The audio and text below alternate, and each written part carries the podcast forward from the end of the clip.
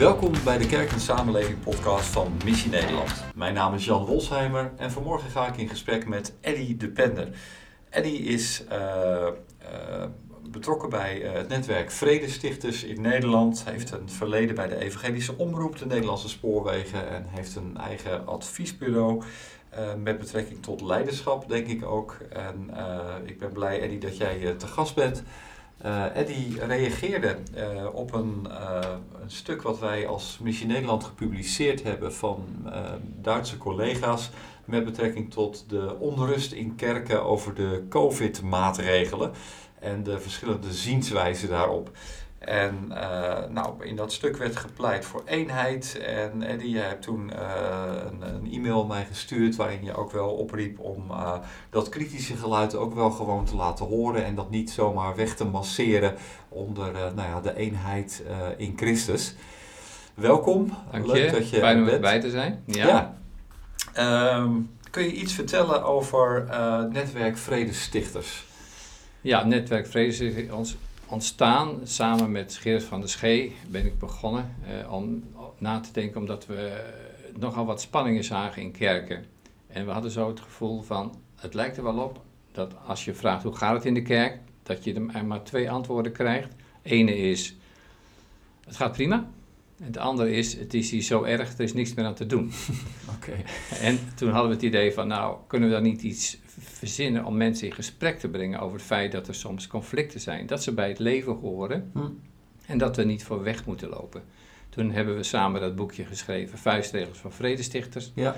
Uitgegeven door de Evangelische Alliantie toen Precies, nog. ja, ik kan me herinneren. Welk jaar was het trouwens dat jullie dat starten? Dat netwerk, Netwerk Vredestichters, welk jaar? Nou, dat, ja, precies. En toen, dat was, dit boekje was in 2006, 2007. Hm. En toen daarna zeiden Gerard en ik, nou, we, we, zouden eigenlijk er wat mee willen doen. En toen hebben we andere mensen gevonden die mee willen denken. En toen in 2008 zijn we begonnen met het netwerk Vredestichters. Dat zijn allemaal mensen die zelfstandig hun eigen projecten doen. Dus we zijn niet een organisatie, maar we zijn netwerkclubs, wat het woord ook zegt. Ja. En we komen ja. één keer in de twee maanden bij elkaar om een soort intervisie te doen te delen en met elkaar te leren. En één keer per jaar geven we een seminar, dit jaar op 26 maart, om uh, mensen te helpen van hoe ga je om met lastige situaties in kerken. Want ja, ja. die zijn er wel. Ja, en die zijn er eigenlijk altijd wel geweest. Hè? Ik bedoel, uh, ik denk even aan de brieven van Paulus aan de, aan de kerk in Korinthe. Precies. Ik ben altijd erg blij dat uh, die in de Bijbel staan, want daar leren we veel van. Uh, en tegelijkertijd is het ook heel erg vervelend om, om conflicten en meningsverschillen in de kerk te hebben, vind ik. Dat is zo.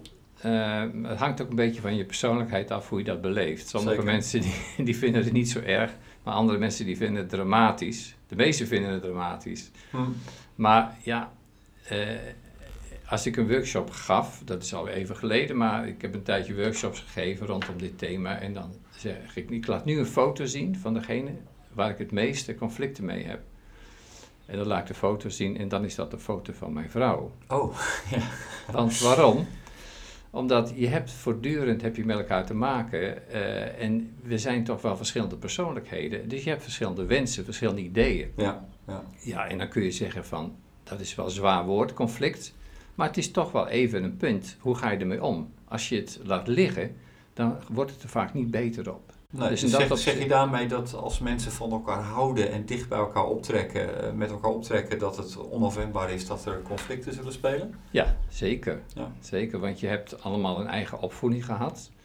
Uh, en het kan, kunnen kleine dingen zijn als uh, wat ben je gewend om uh, op je brood te doen, bij wijze van spreken. Maar het kan ook zijn over de opvoeding van je kinderen. Ja. Waarbij de een misschien veel ruimer is dan de ander.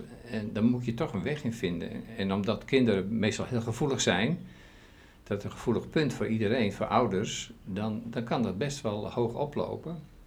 En je ziet ook wel eens ouders, of echtparen zeg maar, waarbij de een het overlaat aan de ander. Hm, ja. En dan, ja, dan sta je buiten spel. En, en dat is, doet ook wat met je. Dus ik denk inderdaad dat in een huwelijk, een goed huwelijk, conflicten belangrijk zijn. Ja, en ik heb ook, we hebben ook een keer samen de marriage course gedaan. En dat is ook een onderdeel ervan. Hoe ga je met conflicten om? het hoort erbij. Ja, ja, het hoort erbij, absoluut. En toch merk ik, ik ben zelf voorganger geweest en ik heb de afgelopen maanden ook heel veel voorgangers gesproken.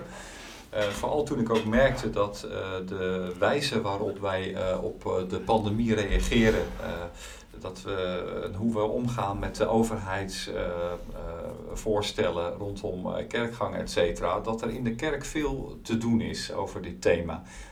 er zijn allerlei groepen in de kerk die nou ja, tegen elkaar aanschuren. En als ik dan de vraag stelde aan die voorgangers van joh, waarom doe je er niks mee? Waarom ga je het gesprek niet gewoon aan met je gemeenschap en probeer je in elk geval te luisteren wat er speelt? Kreeg ik heel vaak het antwoord, maar ik ben bang dat de tent dan goed in de fik gaat. Is dat verstandig?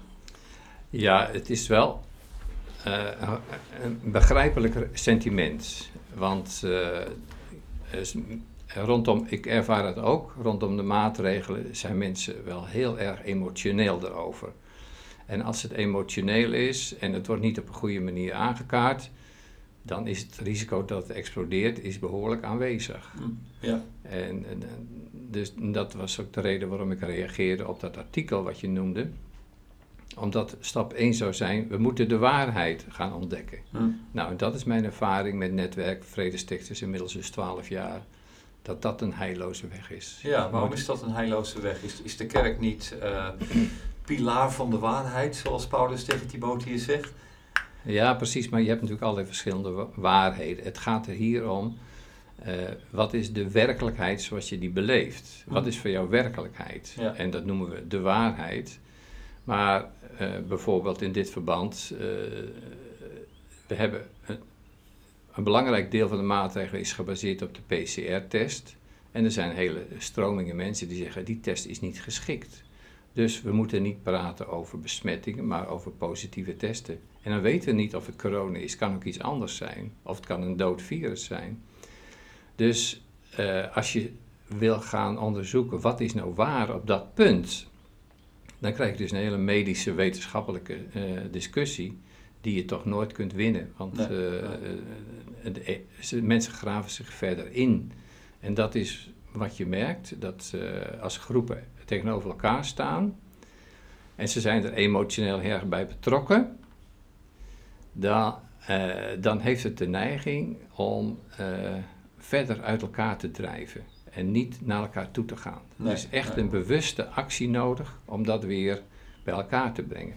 En dat, is, dat is, gaat niet vanzelf. Ja. Hey, nog even terug naar het voorbeeld van het huwelijk. Want uh, er zijn ook wel dingen waar mijn vrouw en ik anders over denken zonder dat het onze relatie per se schaadt. Uh, dat zou natuurlijk ook in de kerk mogelijk moeten zijn, denk ik. Dat je van elkaar begrijpt dat de ander anders denkt. Zeker, ja, dat zeker. Uh, dus dat is ook heel goed mogelijk natuurlijk. Maar dan moet je wel een basis hebben van verbinding, een basis hebben van betrokkenheid, een basis ook van commitment. Ja, ja. En uh, die is er niet altijd. En uh, je merkt ook dat mensen soms, als ze het er niet mee eens zijn, dan gaan ze gewoon naar een andere kerk. Of soms krijg je splitsingen. Dus uh, dan is die basis niet stevig genoeg. Wat vind je daar eigenlijk van als mensen dan op basis van zo'n conflict een andere gemeenschap opzoeken? Ja, dat, ook dat is natuurlijk een lastige vraag ik, uh, ik kan me voorstellen, ik denk dat beide legitiem zijn. Dat je blijft en dat je weggaat. Maar dat hangt heel erg van de context af. Dus als je je betrokken voelt en je hebt je best gedaan en je hebt gesprekken gevoerd, maar je vindt geen enkele weerklank, dan is het lastig. Hm. Maar als je uh, helemaal die gesprekken niet gevoerd hebt en je bent ergens niet mee eens en je vertrekt, dan is dat ook wel weer een beetje zwak. Dus uh, nee, ik denk dat in dat opzicht het uh, beide kan, maar het hangt er erg van de context af. Ja, ja precies. Ja, ja. Ja ik, ik, ik heb het altijd heel erg moeilijk gevonden, uh, maar, maar er zitten natuurlijk veel spelers die, daarmee, die daarbij betrokken zijn. Omdat ik denk van ja, als je vertrekt, dan dat is soms ook wel de weg van de minste weerstand. Want dan zoek je gewoon een club op die het met jou eens is en dan ga je daar vrolijk verder. Wat leer je daar eigenlijk van? Eh, de moeilijkste periode, ook eh, in onze eigen kerk trouwens, waren periodes waarin we het gesprek aangingen over al die moeilijke thema's. Waar je een kerkscheuding over kunt krijgen. Homoseksualiteit, Israël, de doop. Ja. En, en, en door daar toch het gesprek over te voeren. En ik vond die avonden echt wel spannend. Ja. Uh, merkte je dat er ook een soort van ontluchting kwam. Gek genoeg. Hè? Alsof er een soort ventiel is in de kerk waar dan druk op gebouwd wordt. En door het maar gewoon te benoemen met elkaar en elkaar recht in de ogen te kijken en Christus als Heer te beleiden, ja. merkte ik toch dat het wel lukte om begrip te krijgen voor iemand die een totaal ander standpunt heeft. Dat, Daar heb ik zelf echt veel van geleerd. Dat was iets wat ik per ongeluk ontdekte eigenlijk. Ja, ja dat, nee, dat is zeker zo. Uh, want wat je krijgt als je het op een goede manier inkadert, eh, die gesprekken, dan eh, creëer je als het goed is een sfeer van veiligheid, van verbondenheid. We horen bij elkaar. Ik vind dat mooi wat uh, Paulus schrijft in Filippenzen 2, waar het ook over eenheid gaat. Hè, dat hij zegt, als er enige bemoediging is. Eh, dus het is niet zozeer dat wij volledig met elkaar 100% eens hoeven te zijn. Mm. Maar er is een bepaalde betrokkenheid. en we, we weten dat we bij elkaar horen. En als dat een basis is, een kader als het ware, waarin je uh, die gesprekken kunt aangaan, dan is er een veiligheid waarin mensen kunnen benoemen hm. wat ze.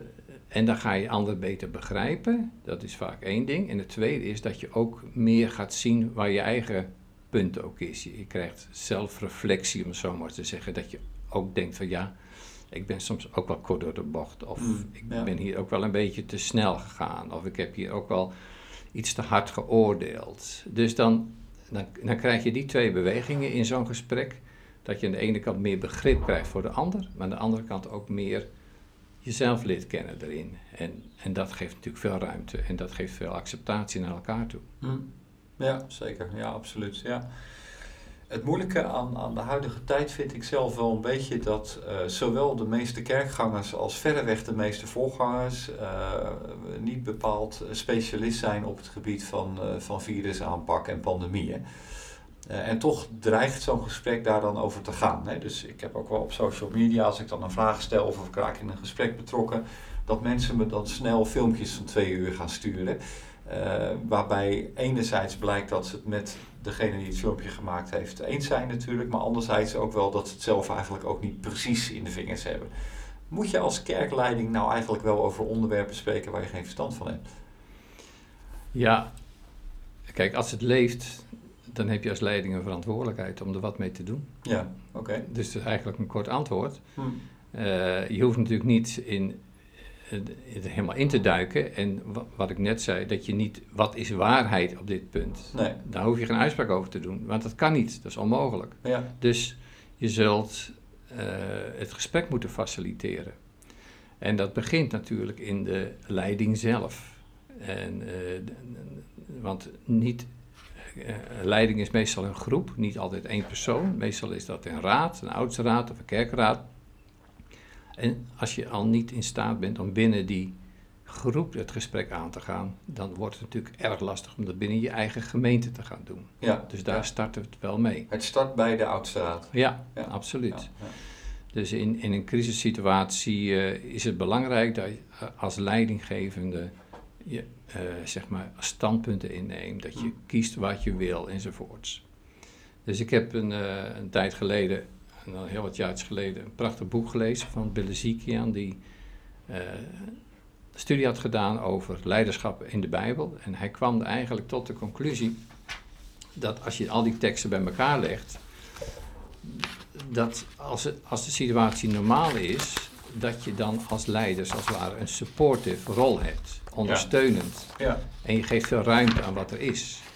Maar als er een crisissituatie is, dan vraagt dat op een hele andere manier leiding te geven. En dan hmm. moet je er gaan staan. Ja, ja. En uh, dat is natuurlijk lastig. Is dat dan de reden dat veel voorgangers liever in die eerste situatie zitten? Dat ze denken van nou, we zijn ondersteunend, het kabbelt wel, het is oké. Ja. Dit is lekker. Ja, dat denk ik zeker. En dat is natuurlijk, we zijn in de laatste... Deze crisis is natuurlijk exorbitant. Die hebben we nog nooit meegemaakt op deze manier. Nee. Dus elke gemeente kan wel eens een crisis hebben, maar zo massaal zoals het nu is, dat is uh, ongekend. Dus we hebben toch een beetje dat normale model gehad van een leidinggevende is dienend en supportive en, uh, en, enzovoorts. Ja. En daar, daar, voelde iedereen zich wel goed bij. Precies, ja. Maar uh, we zitten nu in een andere fase en het dreigt inderdaad behoorlijk te polariseren. En ik merk dat ook in mijn eigen vriendenkring. soms dan kun je niet eens in gesprek komen met iemand. Die, Het wordt gemeden. Ja, ja, ja. En dan, ja, dan doet dat ook weer wat in de relatie. Want dan, uh, dan denk je, ja, wat houdt onze relatie dan in als we dit soort gesprek niet kunnen voeren? Hm. Dus het is, het is een beweging waar we aandacht aan moeten geven, vind ik. Hm. Niet zeg je daarmee ook dat je feitelijk binnen de kerk ook al dit soort gesprekken in feite wel zou moeten kunnen voeren omwille van die relatie? Ja, nou, ik, ik, elke situatie en elke gemeente is anders. Dus je kan natuurlijk niet in de algemeenheid praten. Maar ik denk wel dat, uh, dat je als leiding uh, het niet kunt negeren. Dat je niet kunt zeggen van als ik merk. bijvoorbeeld uh, in de gemeente waar ik dan ga, daar, zit, daar zijn hele verschillende visies. niet dat ik dat allemaal weet van die mensen, maar ik zie het aan het gedrag. Ja. Dus we hebben een tijd gehad dat dat we nog met 30 mensen bij elkaar mochten komen. En dan zijn er mensen die dat fantastisch vinden. En er zijn mensen die dat mijden. Hm. Dus dan weet je dat er een groot verschil is. Ja, en dan moet je dus gaan kiezen, ook als leiding in je maatregelen. Waar kies je dan voor? Ga je dan zeggen van, oh, maar wij conformeren ons aan de mensen die het meest bang zijn? Of nee, we willen juist ruimte bieden aan mensen die wat meer vrijheid zoeken. En natuurlijk probeer je het allebei te doen, maar dat kan niet altijd. Nee, nee. Dus daardoor kan het je soms wel aan je opdringen dat je toch ergens een standpunt in moet opnemen. Dus als een leider zeg maar de kudde overziet, om het zo maar te zeggen, en hij ziet bepaald gedrag ontstaan, dan kan hij uh, hopen dat het voorbij gaat. Maar dat is geen leiderschap. Nee. Of hij kan zeggen of zij van uh, we gaan hier staan en we gaan het gesprek met elkaar voeren en we zien wat er gebeurt. Ja, nou, zo eenvoudig is het niet. Als je het gesprek met elkaar voert en zien wat er gebeurt, want dan is het gevaar van escalatie behoorlijk groot. Ja, moet je het beter voorbereiden? Je moet het heel goed voorbereiden, ja. Ik, zoals ik net zei, je moet eerst beginnen binnen de leiding om daar een open eerlijk gesprek over te hebben. En uh, te kijken van hoe staan wij erin, wat vinden wij en wat willen we en wat past bij onze gemeente. Dus we waren vorige week bij een... Uh, schoonzus van mij. En die is een lid van een evangelische gemeente in Sleewijk. Mhm. En die hadden ervoor gekozen, nou wij komen toch uh, bij elkaar. Het is een grote gemeente, normaal 300 man geloof ik. In een gymzaal. Maar nu hadden ze allemaal verschillende locaties waar ze met 30 man bij elkaar oh konden komen. Ja, en dan ook nog wat koffie dronken achter, af, hm. na afloop. In mijn eigen gemeente we doen alles online. We komen niet meer bij elkaar. Dus er zijn verschillen. Dus je kiest als leiding wel hoe je dat uh, wil doen. En ik hoorde van mijn schoonzus dat ook sommige mensen, die, die vinden, hebben kritiek op de leiding uh, van die oudste raad, omdat ze zo makkelijk ermee omgaan. Ja, ja. Maar mijn schoonzus zegt, nou, ik fantastisch, we zien mensen weer, we kunnen weer eens praten met elkaar. Hmm. Dus ja, je kunt niet net doen alsof het niet bestaat als leider. Maar de, maar de bottom line is dat je zult altijd kritiek krijgen als leider. Doe je niks, krijg je kritiek. Absoluut. Ga je met de, de, de lammetjes mee die heel voorzichtig zijn, dan krijg je kritiek. Ga je met de leeuwen mee die graag open willen, krijg je ook kritiek. Ja. Het is altijd je deel. Dat, dat is niet anders. Hoe ga je daarmee om als leider? Want dat is heel vervelend. Dat wil je vaak niet. Je wil ook aardig gevonden worden en, en lief en zo. Ja, ja, ik heb niet heel veel ervaring als leidinggevende. Ik heb verschillende keren wel leiding gegeven aan clubs eh, in het bedrijfsleven, ook bij de EO. Ehm, en dan weet je dat je kritiek krijgt eh, van je eigen afdeling, maar ook van de omgeving. En uh, ja, daar, moet je mee omgaan. Dus ehm, het is ja, ik, ik las van, vanmorgen, eh, ik weet dat jij ook een voetballiefhebber bent, wel van Feyenoord en niet van Ajax, maar ik las vanmorgen over Erik ten Hag, die in deze geweldige intensieve tijd van Ajax toch overeind blijft ja, en blijft staan. En, hij, en daar stond bij, hij heeft een koers gevonden en daar gelooft hij in en daar gaat hij voor. En dan ja, daar kun je een hoop hebben. Ja, ja dat is de kracht van leiderschap. Hè? Dan is het echt persoonlijk eh, om uh, te zorgen dat dat niet uh, uh, aangevoeld wordt als persoonlijke kritiek, maar meer op de koers die je vaart. Ja. Dat is wel... Ja, dat is belangrijk. Het is natuurlijk... Kijk, je maakt als leider natuurlijk ook fouten, dus je kunt niet zeggen alles wat er aan kritiek is, is per definitie projectie. Nee. Maar je, je moet heel goed eh, ja, blijven staan waar je voor staat en daarvoor gaan en dan die kritiek accepteren. Want als je het iedereen naar de zin wil maken, het andere uiterste, ja, dan weet je zeker dat je er een ander doorgaat. Dan, uh, Want je kunt niet iedereen naar de zin maken. En dat betekent dat je keihard aan het werk moet om iedereen over de bol te aaien of overal op in te gaan, alle gesprekken te voeren. Hm. Je overwerkt jezelf, dus dat is wel een garantie voor uh, burn-out. Ja, ja, absoluut, absoluut. Ik, ik heb eigenlijk altijd, toen ik uh, voorganger was en nog steeds trouwens een coach gehad, dat waren wel verschillende mensen. Maar dat was ook wel een thema wat wel eens bij mij terugkwam, van joh, wil je mensen pleasen? En, en hoe lang hou je dat vol? En, en waarom doe je dat? En ik vond het heel prettig om daar eens goed met iemand over te spreken. Om te kijken, wat zit er nou onder bij mij? Wat, wat, wat, welke, welk verlangen of, wel, of, iets uit, uit, mijn verleden wellicht. Uh. Dus heel nuttig denk ik om met jezelf aan de slag te gaan. Continu als leider van wat zijn je motieven? Waarom gedraag je je zoals je dat doet? En uh, kun je daarop gecoacht worden? Ja, dat is ontzettend belangrijk. En uh, ik, ik denk, ja, je wordt voorganger vaak ook omdat je een hart voor mensen hebt. Ja. Dus dan is het ook logisch dat je het ook iedereen naar de zin wil maken. Maar ja, zoals uh, we weten, elke, elke kracht heeft ook zijn valkuil. Hm. Dus dat is wel belangrijk om daar iemand voor te hebben die daar met je meedenkt. En dat lukt vaak niet in je eigen gemeente, want dan heb je allerlei mensen die daar van, dingen van je willen. Dan zul je buiten je eigen gemeente een coach moeten vinden ja. waar je mee kunt sparren. Ja, zeker. Ja, nuttig. Maar ja, absoluut. die tot nu toe uh, lijkt je te zeggen, en volgens mij zei je dat ook met zoveel woorden, van nou leider, uh, ga aan de slag, ga leiden, hè, dus met EI. Uh, want anders wordt het leiden met IJ waarschijnlijk. En dat moet je op een verstandige manier doen. Hè? Dus ik vermoed dat jij leiders in deze tijd zou willen oproepen, ga gewoon het gesprek aan met je gemeenschap. Laat dat niet sudderen. Ja. Zeker, ja. Hoe, de eerste stap benoemde je, en die herken ik ook al uit mijn eigen werk, van zorg eerst dat je als oudste raad eh, de zaak op één lijn hebt. Hè? Dat je in elk geval duidelijk een koers kunt bepalen waar ieder achter zich in kan vinden. Ja. Nou, dat is belangrijk. Ik heb toevallig eh, wat verhalen van kerken gehoord de afgelopen maanden waar dat niet zo goed ging.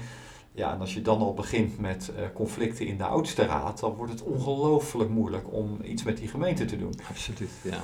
Dus dat is de eerste stap. Die lijkt me helder en die kan soms wel lang duren trouwens. Hè. Voordat je met elkaar op één lijn zit, daar moet je goed de tijd voor nemen. Ja, zeker. Alle stemmen horen, denk ik. En, en wegen en dan zoeken naar, nou, hoe kunnen we hier, uh, hier verder mee? Ja. Wat, wat, wat zijn de stappen die je daarna voor ogen hebt?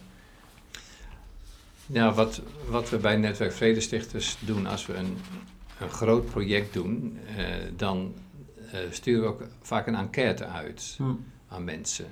Eh, waar je mensen kunt vragen van, nou zijn er onderwerpen waar, je, hè, waar wat vinden jullie daarvan? Nou, in, deze, in dit geval van uh, corona, zal ik maar zeggen, uh, zou je ook een kleine enquête kunnen rondsturen. Ja, je hebt hem uh, me toegestuurd. Ik heb een concept toegestuurd. het is nog niet klaar. Ik ben nog bezig om het te ontwikkelen.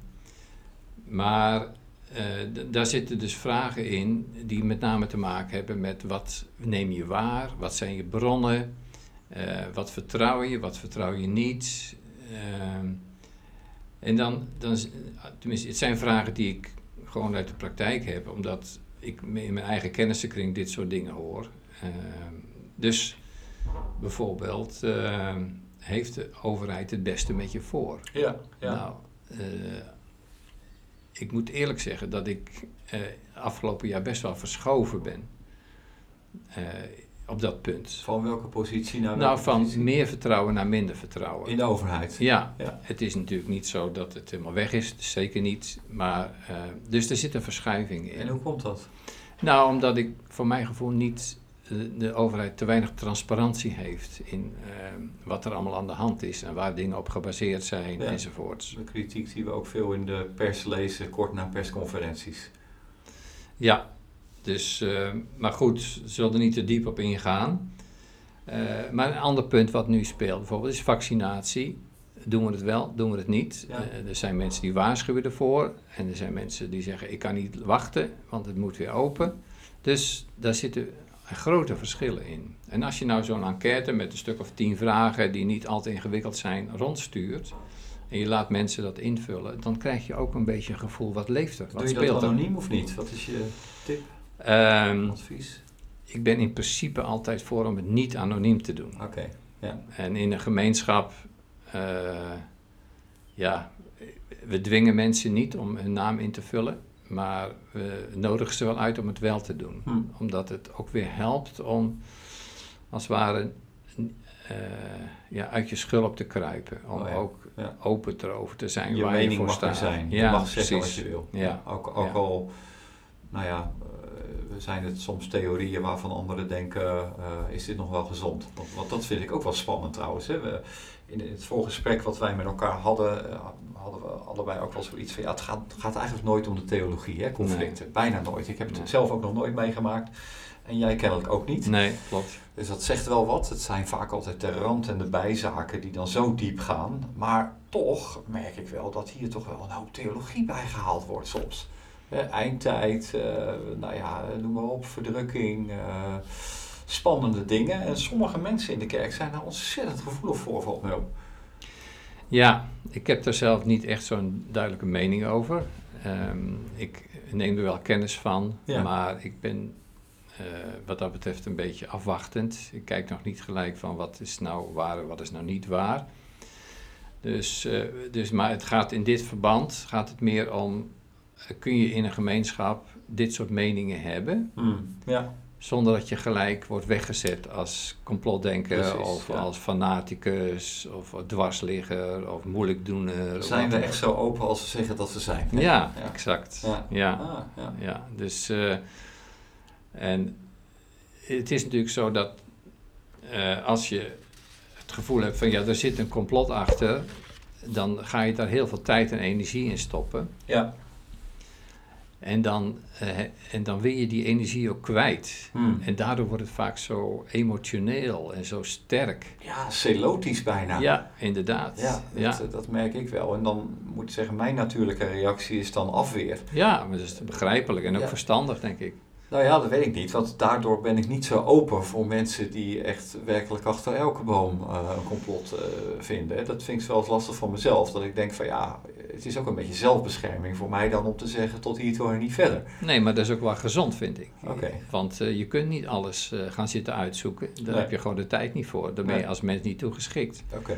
En wat lastig is, dat... ehm, hè, dus soms... Ik heb daar wel zelf last van, dat ik soms over dingen heel erg diep nadenk. En dan ben ik een proces van een half jaar doorgegaan. En dan kom ik tot een conclusie. En dan wil ik die ander die conclusie aanreiken. Hmm. Maar die heeft dat proces Nee, niet nee, meegemaakt. Precies, dat is ook belangrijk hè. Dus eh, wat is je startpunt? Ja, dat vind ik al bij preken. Dat je 20 uur aan een preek hebt besteed en dan moet je mensen eh, meenemen in je verhaal in 20 minuten. Ja. Voor het eerst horen. Ja. Oké, dat is goed. Dus, dus, dus eerste stap, oudste raad op één rij. Of in elk geval eh, gezamenlijk eh, met één mond spreken, denk ik dan maar. En Ja. dan die enquête in de gemeente Ja. waarin je te hooi en te gras je mening mag geven. Ja.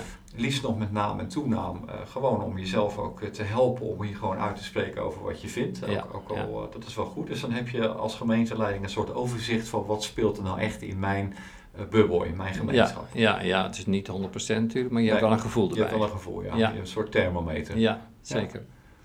Ja, een volgende stap zou zijn is dat je onderwijs gaat geven over hoe gaan we als christenen met elkaar om op dit punt. Ja, dus niet over het onderwerp, Nee, maar meer over het proces. Ja, over houding en gedrag noem ik het. Eh, van welke houding hebben we? En er staat, de Bijbel staat natuurlijk vol van eh, eh, adviezen op dit gebied Ja. die we kunnen gebruiken.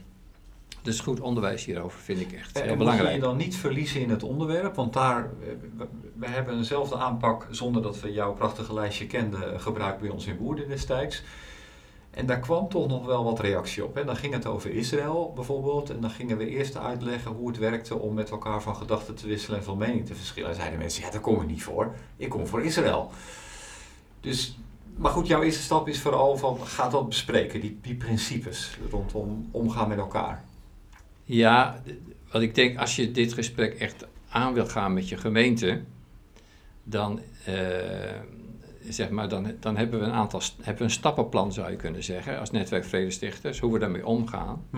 En aan het begin van het traject leg je dat ook uit aan de gemeente, Ja, dat de stappen zijn. ja precies. Ja. Dus ja. je gaat niet gelijk dat gesprek aan, maar je gaat zeggen, dit gaan we doen, dat gaan we doen. En dan, hè, En uiteindelijk kom je natuurlijk wel op het onderwerp, maar dat is later in het proces. Ja, maar de- de- bijvoorbeeld eh, zeg maar, na het onderwijs eh, adviseren we om in kleine groepen, dus niet te groot, Mhm. acht, maximaal twaalf mensen, om daar aan de hand van vragen onder begeleiding ook met elkaar in gesprek te gaan. En daar komen die uh, verschillen komen naar voren. En is dat om blokvorming te voorkomen? Ja. Ja, dat is natuurlijk altijd lastig. Als je de ervaring leert dat als, als je mensen met een gelijke mening bij elkaar zit en laat praten over wat ze ervan vinden, dan versterkt dat natuurlijk hun mening. Ja. En, nu zijn het meer individuen in een kleinere groep die ook gewoon... Ja. ja, helder. Ja, en dan, dus dan weet, weten mensen van nou, we gaan het nu hebben over houding en gedrag, maar de volgende keer, of dezelfde dag nog, dat kun je kijken hoe je het wil organiseren, is er wel de ruimte om hierover te praten. Hm. Dus dan is er wel rust over. Dus uh, je legt het proces uit. Maar ik vind het wel heel belangrijk om uh, dit onderwijs te geven. Uh, als we als we dit doen, dan gebruiken we ook vaak schaalvragen, zoals we het noemen. Wat zijn dat? Ja, dat is dat je zegt van nou, bijvoorbeeld een onderwerp. Ik vind het makkelijk om mensen te accepteren. Ik ben extrovert iemand, ik vertel graag mijn verhaal. Of ik ben iemand die het lastig vindt. Ik wil een beetje meer op mezelf zijn. En uh, ik ga het zelf wel benadenken. En ik heb andere mensen er niet voor nodig. Mhm. Dus je hebt twee uitersten. En dan uh, vaak laten we dat dan ook fysiek in de, in, in, in de ruimte doen. Dus zeggen, nou, als oh je, ga je hier staan, is, is, is een 1 en daar is een 10. Waar sta je dan? En dan zie je die, die verschillen al. Mhm. En dan kun je ook vragen mensen van, uh, als je bijvoorbeeld een vraag hebt over mijn manier van communiceren is heel erg direct of heel erg indirect. Van, nou, ben je er blij mee of ben je er niet blij mee? Zou je wat anders willen? Dus dat helpt ook al om dat mensen na gaan denken van hoe zit ik erin? Precies. Hoe reageer ik? En ook, die ander zit dus heel anders in. Hè? Het wordt heel zichtbaar. Het wordt zichtbaar. Ja, dat ja. is heel nuttig. Ja. ja. dus dat zijn hele mooie instrumenten. Hm. Dus, dus naast bijbelsonderwijs en en praktisch onderwijs zou je kunnen zeggen, zichtbaar onderwijs, uh, is, vinden we, vind ik dat een hele mooi instrument om te doen. Ja, ja zeker. Mooi.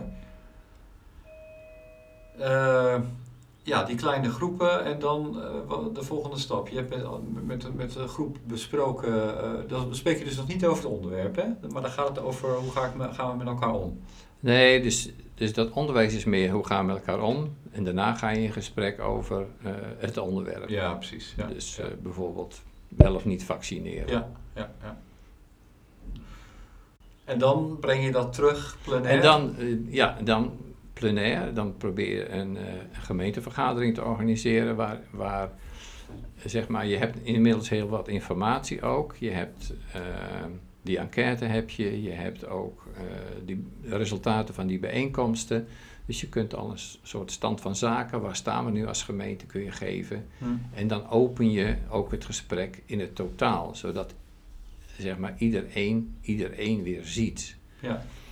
Uh, dan, um, ja, dus ik weet niet hoe dat precies nu dit gaat, in, in deze situatie gaat, want dat hebben we nog niet eerder meegemaakt. Maar in andere situaties als we dan eenmaal zeg maar, het gevoel hebben, we hebben kunnen zeggen wat we hebben kunnen zeggen, komt de volgende fase. En dat is dat je kijkt van nou, hoe heb ik me gedragen in die afgelopen tijd? Wat, oh. wat heb ik tegen anderen gezegd? Of wat hm. heb ik gedacht? Of hoe heb ik anderen benaderd? Uh, en ja, zit daar ook iets bij waarvan ik denk, ach, dat is eigenlijk niet zo goed. Of uh, met andere woorden, je, je hebt een bepaalde gedachte gehad. Dus wat je net vertelt, van nou ik krijg iets op mijn, uh, in mijn mailbox gedumpt, hè, een filmpje van twee uur.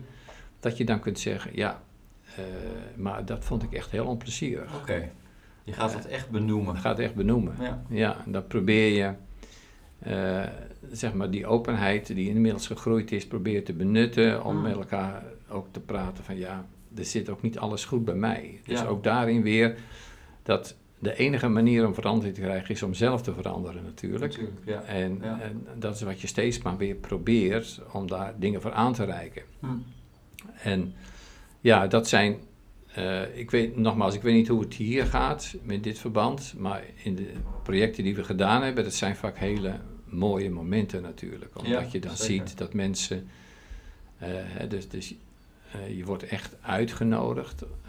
dus ik mag bijvoorbeeld opschrijven wat mij gekwetst heeft. Door jou bijvoorbeeld. Mm. En dan mag ik tegenover jou gaan zitten en dan mag ik dat vertellen. En dan mag jij dat weer herhalen, waardoor ik het gevoel heb, ik ben gehoord. Mm.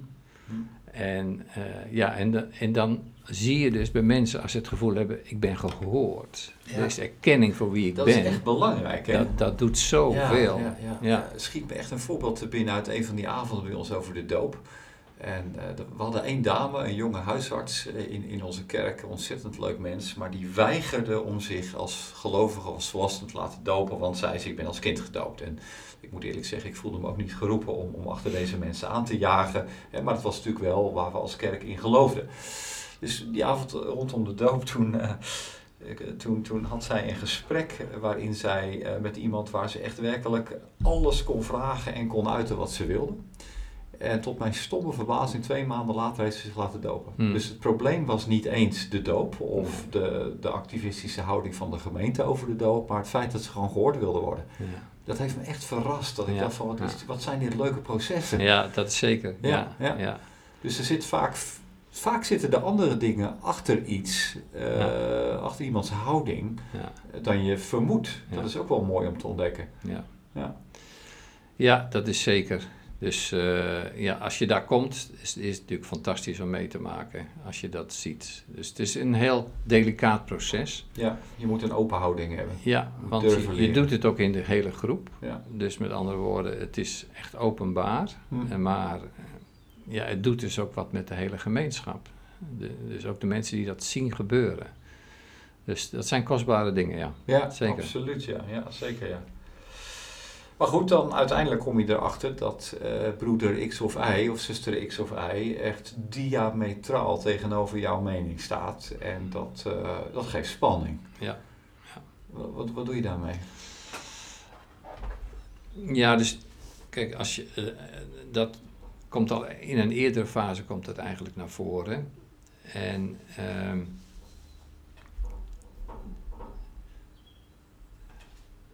uh, wat ik belangrijk vind in dit punt is dat uh, uh, er is soms een, ja, niet de goede balans tussen de emoties en het verstand. En ehm, als je merkt dat mensen heel emotioneel bij iets betrokken zijn, dan, uh, dan zeggen ze wel dingen en die lijken wel verstandig, maar het komt wel uit hun emoties voort. Er is hm. niet goed over nagedacht, het is onvoldoende helder. Dus je wil wel, als mensen met elkaar in gesprek gaan over dit soort gevoelige onderwerpen, wil je wel dat ze vanuit hun verstand praten en niet vanuit hun emoties. Er is wel ruimte voor emoties, dus dat is niet erg, want die zijn er. Maar je wil niet dat die emoties in de relatie een groot effect gaan hebben. Nee, nee. En dat is, je zou kunnen zeggen, je probeert mensen te helpen om te groeien in volwassenheid. In die zin dat je gelooft van, ah, de emotie die ik heb, zijn niet, de, uh, zijn niet de oorzaak, of de, de ander is daar niet de oorzaak van. Mijn oorzaak, de, mijn emoties, die triggeren mij omdat ze bij mij horen, maar niet mm. omdat die ander dat. En het tweede is dat je, dat je de emotie van de ander, als een ander emotioneel is over iets wat jij gezegd hebt, dat je niet gelijk denkt, oh, daar ben ik dan verantwoordelijk voor. Mm. Dus je probeert, zeg maar... Je emoties bij jezelf te zoeken. Ja, ja en dat je dan uh, uh, zeg maar, probeert op een goede manier met die twee dingen, emoties en verstand, om te gaan. En als je merkt van, hé, hey, mensen zijn emotioneel en ze willen mensen overtuigen, dan, uh, ja, daarom is vaak een begeleider nodig om, hmm. om dat weer goede banen te leiden, zodat iemand daar zwaar kan unwinden en dan op een gegeven moment punt komt van, ja, oké, ik heb gezegd wat ik heb gezegd en het is duidelijk. En dan komt iemand tot rust en dan is er vaak een beter gesprek mogelijk. Ja. En dan is het ook eigenlijk niet zo lastig weer om te accepteren dat iemand een andere mening heeft. Nee, nee. Want uiteindelijk, als je in een gemeenschap bent, dan heb je toch ook gedeelde waarden. Dus er is ook verbinding. Hm. En dan kun je dat verschil hebben. Ja, en dan uh, zeg maar, in de volgende fase in het proces is dan van je moet wel op, als leiding op een gegeven moment besluiten nemen. Hoe gaan we hiermee om? Ja, ja. En dat wil je ook wel weer uh, gedragen doen. Dus dat wil je ook met de groep weer doen. Dat je zegt, nou hoe gaan we mee om? Bijvoorbeeld, in dit verband gaan we, gaan we weer bijeenkomsten organiseren van 30 man. Uh, ook al is het niet uh, verplicht door de overheid om zeg maar met alleen maar online dingen te doen. Je mag bij elkaar komen. Wat doen wij? Wat mm. kiezen wij? Mm. En dan, ja, als je daar met de hele groep over gehad hebt, dan kies je als leiding een bepaalde koers. En tegelijkertijd weet je van, nou oké, er zijn niet iedereen volgt die koers. En dan denk je ook met elkaar, nou wat kunnen we daarvoor doen? Dus Oh, Zo dus ga je in die dus, dus eigenlijk zeg je ook van die, die leiders die moeten eh, duidelijk uh, keuzes maken uiteindelijk. Maar wat nu vaak gebeurt is dat de leiding zegt van nou wij gaan het als gemeente sowieso doen zonder de gemeente te horen. Ja. En daar komt vaak veel onvrede over merk Absoluut, ja. dus dat is onverstandig zeg jij. Dat is heel onverstandig. Ja. Ja. ja. dus, uh, oh, dat is interessant. Ja. Het is... Uh, het is best wel lastig leidinggeven. Dat is niet echt een sinecure. Dus daarom zegt Paulus ook, ja, je moet er wel een beetje van geroepen zijn. Want uh, er komt veel op je af. Het is niet een taakje die je doet. Je bent er als hele persoon bij betrokken. Met geest en lichaam. En uh, ja, je wil dat zo goed mogelijk doen. Uh, maar ja, je, je hebt wel de verantwoordelijkheid om beslissingen te nemen. Om keuzes te maken. En uiteindelijk betekent dat je dus niet iedereen naar de zin kan maken. dat je teleurgestelde mensen krijgt. Nou, daar moet je mee dealen. Maar die wel gehoord zijn, dat is echt een groot maar verschil. Maar die gehoord zijn, ja. ja. Want, als je dat nou, als je zo'n proces nou aanpakt, want ik moet gelijk even denken aan mijn gezin. Toen, toen mijn kinderen tieners werden, vond ik dat een ingewikkelde periode, omdat ik gevoelsmatig daar nog niet helemaal klaar voor was. Namelijk de dialoog. Voorheen was het zo van, nou, wij besloten en de kinderen volgden. En op een gegeven moment is het heel natuurlijk dat kinderen vragen gaan stellen en ook hun eigen mening willen geven en ook mee willen beslissen. Dus als, als wijze ouder hoor je dan het gezin aan, om het zo maar te zeggen. En uiteindelijk zul je toch een keer een besluit moeten nemen. Er zal altijd wel iemand zijn die uh, niet helemaal uh, nou ja, alle, uh, de, de, zin krijgt, zeg maar. Um, gemeenteleiders zijn van, vaak toch wel van het niveau van leidinggeven betekent van ik, ik deel de lakens uit, ik maak de beslissingen. En, en dat, dat doen ze best integer op, begrijp me goed, maar, maar, maar niet altijd in de zin dat ze eerst die hele gemeenschap horen. En, en eigenlijk hoor ik jou een beetje zeggen van doe dat nou wel. Ga nou gewoon die dialoog aan over welk onderwerp dat ook is. Inventariseer de boel, uh, en, en uiteindelijk maak dan een keuze vanuit de gemeenschap, vanuit je rol als leider. Is dat wat je. Ja, dus het is best wel ingewikkeld hoe je daar precies mee om moet gaan. Want je kunt niet voor elk detail natuurlijk de gemeente bij elkaar eh, roepen. Uh, eens, zeker. Ja. Uh, dus waar we het nu over hebben is een proces. Hoe gaan we met die polarisatie om binnen de gemeente rondom de overheidsmaatregelen, rondom corona? Uh, dat is een heftig onderwerp. Hm. Ehm, maar eh, hè, wat ik net al eerder zei, dus als op een gegeven moment uh, we in een crisissituatie zitten, dan vraagt dat van de leiding om richting te geven. Nou, in dit geval zeg ik van nou, uh, roep een proces in het leven, hoe je daarmee omgaat. Ja, ja. Uh, in een normale situatie probeer je veel meer supportive te zijn als leiding. En dan, uh, dan betrek je de mensen er sowieso bij. Uh, maar het is vaak ook een cultuur natuurlijk. Hè? Dus mm. je hebt het over het gezin waar je uitkomt. Dus uh, ik, ik, zie dat nu ook wel met jonge gezinnen. Daarin uh, zie, zie, je soms ook extreme. Er zijn ouders die bij wijze van spreken bij een tweejarig kind vragen: wat wil je? Broccoli of bloemkool? ja, ja, ja. Uh, maar, en er zijn ouders die, die, die, die willen tot, totdat ze bij wijze van spreken uh, de ouders zelf overleden zijn bepalen wat er gebeurt. Dus er zijn natuurlijk ja, extreme. Ja, maar de cultuur die je hebt is natuurlijk erg belangrijk. Hm. En die bouw je natuurlijk niet van de ene op de andere dag. Nee, zeker niet. Dus uh, dat vind ik een lastige vraag, hoe je dat precies moet doen. Dus de dialoog aangaan is altijd goed. Met kinderen is het natuurlijk toch weer anders dan in gemeente, want dan heb je in principe allemaal met volwassen mensen te maken. Uh, maar als je als leiding het lastig vindt om de dialoog aan te gaan, ja, dan, kun je bijna zeggen dat dat zal een keer zal je inhalen. Want mm, eh, ja, ja. zo zijn we niet. Nee. Door gevoelig te zijn voor dit soort processen en ze op de juiste momenten en manier in te zetten, zou je daardoor uh, preventief heel veel ellende kunnen voorkomen in kerk? Ontzettend veel. Ja? Ja, ja want dat is wat, uh, wat je ziet. Dat dingen die niet goed opgelost zijn in een gemeente, spanningen, die gaan ondergronds. En die komen er later toch weer uit. Ja, ja. Dus als netwerk Vredestichters eh, zijn we ook erg geïnspireerd door het denken vanuit systemen. En dan, dan wordt het begrip anxiety gebruikt. Mm En uh, degene die dat heeft ontworpen, Murray Bowen, die zegt er zijn twee typen anxiety. Uh, anxiety is emotionele spanning of stress. Uh, het is niet echt angst, maar emotionele spanning. dat is acute anxiety, dus je komt buiten en je ziet een gevaar en je reageert erop. Uh, maar er is ook chronische anxiety. Hmm. En dat is dat als er een probleem niet echt goed is opgelost, ja. Hmm. dan, dan, dan kan er op een gegeven moment een trigger zijn, waardoor het ineens naar boven Precies, komt. Ja, sluimert het en dan... Uh, en dan is het maar een klein dingetje en dan denk je, hoe kan iemand nou zo uit de band springen, terwijl er helemaal niks aan de hand was. Hmm. Maar daar zit iets onder natuurlijk, hè, en dat heb je al eerder benoemd. Er zitten soms een heleboel dingen onder die niet benoemd zijn. En dan, ja, dan komt dat op een gegeven moment de verkeerde manier naar boven. Ja, ja. En dat zijn dan toch dingen die te maken hebben met ben ik gehoord, zien ze me staan, eh, mag ik er zijn, dat soort dingen. Ja. En die zijn zo belangrijk, en dat onderschatten we vaak. Hm.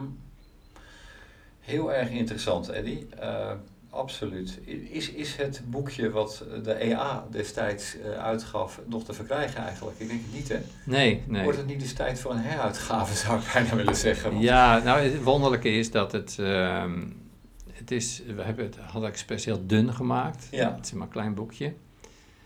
Um, omdat je zeg maar, dat met elkaar bespreekt uh, als kerkenraad bijvoorbeeld, of als oudste raad, uh, op het moment dat er geen spanningen zijn. Mm -hmm. nee, onder het thema repareren het dak als het niet regent. Precies, hè? ja. ja. Uh, maar ik moet zeggen dat ik weet, ik weet niet precies wat de vruchten ervan zijn. Dus de EA heeft een eerste versie gedaan en de later een tweede nog een herdruk, maar mm -hmm.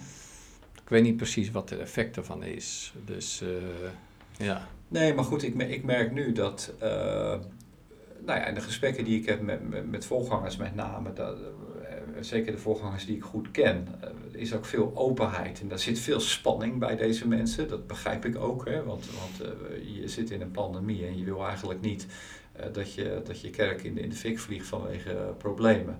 En tegelijkertijd staat er heel veel spanning op de gemeenschap, het niet bij elkaar komen of het minder bij elkaar komen, anders bij elkaar komen. Dus ik denk van ja, als dit soort tools uiteindelijk uh, ook op bijbelse principes gefundeerd zeg maar, in kerken gebruikt kunnen worden en ingezet kunnen worden, ja, wat, daar kan er toch alleen maar uh, iets moois uit voortkomen. Ja, dat zeker. Ja, dat zeker. Nou, maar de, de waarheid is natuurlijk dat het pas aan het dak gaat beginnen als het lekt. Nou ja, dat is helaas zo. Hè? Ja, ja dat, dan wordt het vaak erg complex om daar te beginnen. Maar dit zou toch bijna basisuitrusting moeten zijn voor elke gelovige om te leren om om te gaan met elkaar. Er zijn natuurlijk ongelooflijk veel boeken geschreven over gemeenschapsvorming. Bonhoeffer, die ook eh, stevige dingen schrijft over gemeenschappen en hoe ingewikkeld het is. Ja. Ja, als we dat gewoon benoemen en niet doen alsof het in de gemeente ineens allemaal vanzelf gaat omdat God daar aanwezig is uh, nou, hè, nogmaals, de brieven van Paulus laten duidelijk zien dat, het, dat dat niet het geval is. Dan zullen we toch goed na moeten denken over hoe onze eigen houding is uh, en hoe we als collectief besluiten nemen. Dat lijkt me toch nuttig, denk ik. Het lijkt me uiterst nuttig, ja. ja. ja. Dus onze ervaring is dat het best wel lastig is om op tijd, om zo ja, te zeggen, ja, in gesprek te komen. Het is vaak te laat. En dat is jammer, maar het, uh, het is niet anders. Beter te laat dan nooit. Uh, dus ja, er is heel veel uh, mogelijk.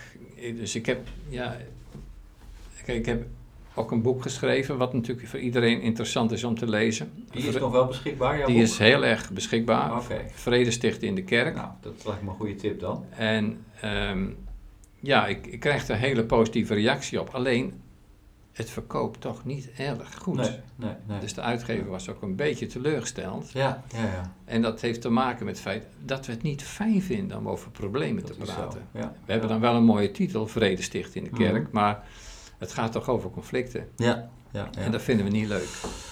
Paulien Vervoren, jij kent haar wel, ze zit bij ons in de kerk en uh, ze heeft een heel goed boek geschreven over geloofwaardig spreken, uh, maar ook een boek over feedback in de kerk. Dat vond ik zelf eigenlijk toch een beter boek. En op basis van nou ja, wat ze in die tijd uh, las en bestudeerde, hebben we die avond georganiseerd. En ik vond het echt zo'n goed boek dat ik dacht van nou jongen, als je hier aan begint als kerk, dan ga je echt meters maken. Ja, en ook dat boek verkocht gewoon een stuk minder. Ja, apart hè? Ja, dus nou ja, misschien moeten we daar vanuit Missie Nederland toch weer eens wat meer aandacht voor vragen. Ook binnen de kerk in onze achterban. Want ik hoor dat het namelijk allemaal wel leeft. Het is er allemaal. Ja, we benoemen het niet graag. We hebben het natuurlijk liever over mooi weer dan over regen. Zo zit ik natuurlijk ook in elkaar. Uh, maar ja, ik, je kunt maar beter inderdaad het dak dichten voordat het gaat regenen. Dat, hmm. dat is echt belangrijk. En, hmm. en, wat je zegt, herken ik helemaal, dat voortsudderen. En dat er ineens een aanleiding is die eigenlijk nauwelijks uh, noemenswaardig is, die dan zorgt voor een enorme aardbeving en scheuring en heel veel verdriet bij mensen. Hmm. Ja. Dus leiderschap is daarin belangrijk. Zie je de dingen, doe je er wat mee uh, en, en, en, probeer je met elkaar uh, zo'n proces te gaan. Ik denk dat dit een tijd is waar echt leiderschap op moet staan. Ja. ja. En uh, ze hun plek moeten innemen, hun verantwoordelijkheid moeten nemen. En dat is vraagt ook onderzoek bij jezelf. Kan ik dat aan? Ja. Zie ik dat zitten? Hmm. Dus, en, en als je dat niet ziet zitten, moet je ook de consequenties uittrekken.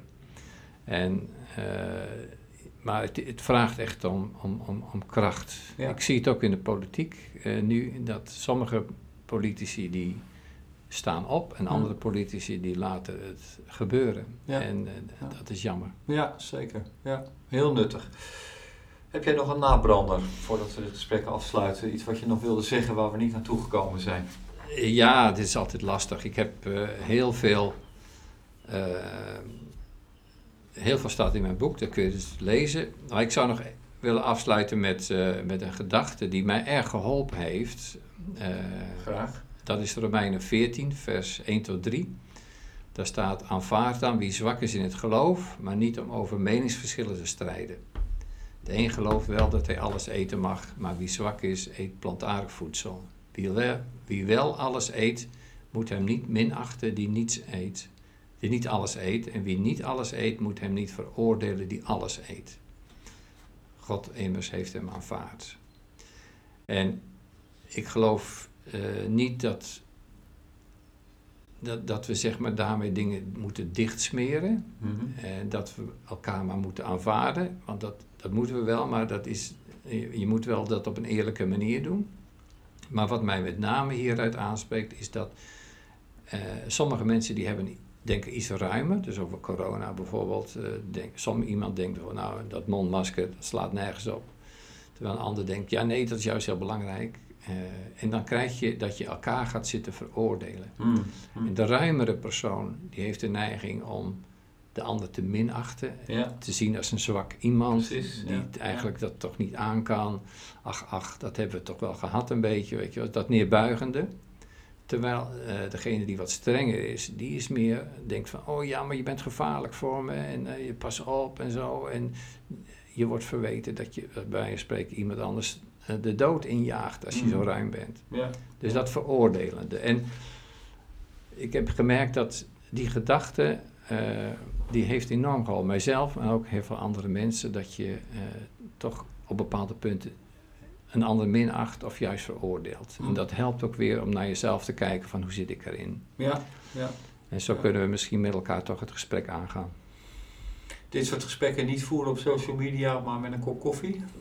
Ja, social media is interessant, maar uh, het lost niet zo gek veel op. Nee, het, heeft, het, het, het, heeft de eh, neiging om het, de zaak te, verder te laten escaleren. Ja, ja. Ik merkte dat uh, met iemand die ik goed ken en die wat meer in het complotdenken zit en, en, en ik merkte dat we elkaar niet meer raakten, maar dat er ook verwijdering kwam in dat persoonlijke, wat jij ook al met je vrienden aanhaalde. Dus dit is, dit is dan niet een vriend van me, maar ik merkte wel van, we kennen elkaar wel goed en ik voelde verwijdering. En ik dacht van ja, dit, dit is niet lekker. Dit, dit is vervelend. Maar ik bedoel, laten we dan een keer eh, buiten social media om een gesprek voeren. Want dit, uh, dit, dit schaadt de relatie die er dan toch wel is. En dat ja. is best verdrietig eigenlijk. Ja, zeker. Zeker. Dus ja, woorden als gekkies en uh, dat soort dingen, die, uh, die, ja, die bouwen natuurlijk helemaal niet op. Die, die zorgen alleen maar voor sterke polarisatie. Ja. ja. ja. Eddie de Pender van Netwerk Vredestichters, dankjewel voor dit gesprek. Graag gedaan. Erg interessant en ik ga zeker nadenken met jou waarschijnlijk naar het gesprek om eens te kijken hoe we dit wat kunnen revitaliseren. Want ik denk dat we nou ja, de kerk hier verschrikkelijke dienst mee kunnen bewijzen om toch echt te leren om dit soort gesprekken echt wel te voeren. Zonder de angst te hebben dat je direct ontslagen wordt als voorganger. Ik denk dat dat heel nuttig is. Uh, informatie over het netwerk is te vinden op de website www.vredestichters.nl. Daar kunnen jullie ook uh, trajecten met kerken aangaan, uh, begreep ik, om te leren hoe doe je dat nou precies. Hè? Want dat is ook gewoon goed om te leren. Nou, misschien nog te noemen dat we 26 maart een seminar hebben, online seminar. Heel goed. Waar mensen gratis aan kunnen meedoen. 26 maart online seminar te vinden op vredestichters.nl. En ongetwijfeld is jouw boek Vrede Stichten in de Kerk daar ook te vinden. En die ben hartelijk bedankt. Graag gedaan. Bedankt ook. Bedankt voor het luisteren naar deze podcast, de Kerk en Samenleving podcast van Missie Nederland. Abonneer je op ons kanaal zodat je toekomende podcasts niet zult missen. Dank voor je aandacht en tot ziens.